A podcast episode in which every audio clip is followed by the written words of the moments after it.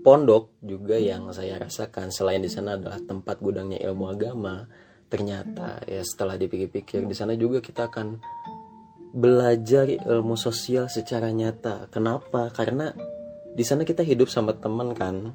24 jam. Detik demi detik kita akan ada interaksi. Mau nggak mau kita di sana akan belajar. Mungkin di antaranya nih kita akan belajar pentingnya berbaur kita akan belajar tentang pentingnya kita bisa saling berbagi, saling tolong menolong. Juga di sana kita bisa ngelihat langsung tuh gimana akibatnya kita jadi orang pedit, gimana akibatnya kita kalau misalkan egois. Kita akan belajar tentang pentingnya menjadi orang jujur dan melihat langsung gimana akibatnya kalau kita berani untuk mengambil barang orang. Itu jelas banget di depan mata dan kita bisa tahu oh ternyata gini, oh ternyata gini lebih detail next video oke okay?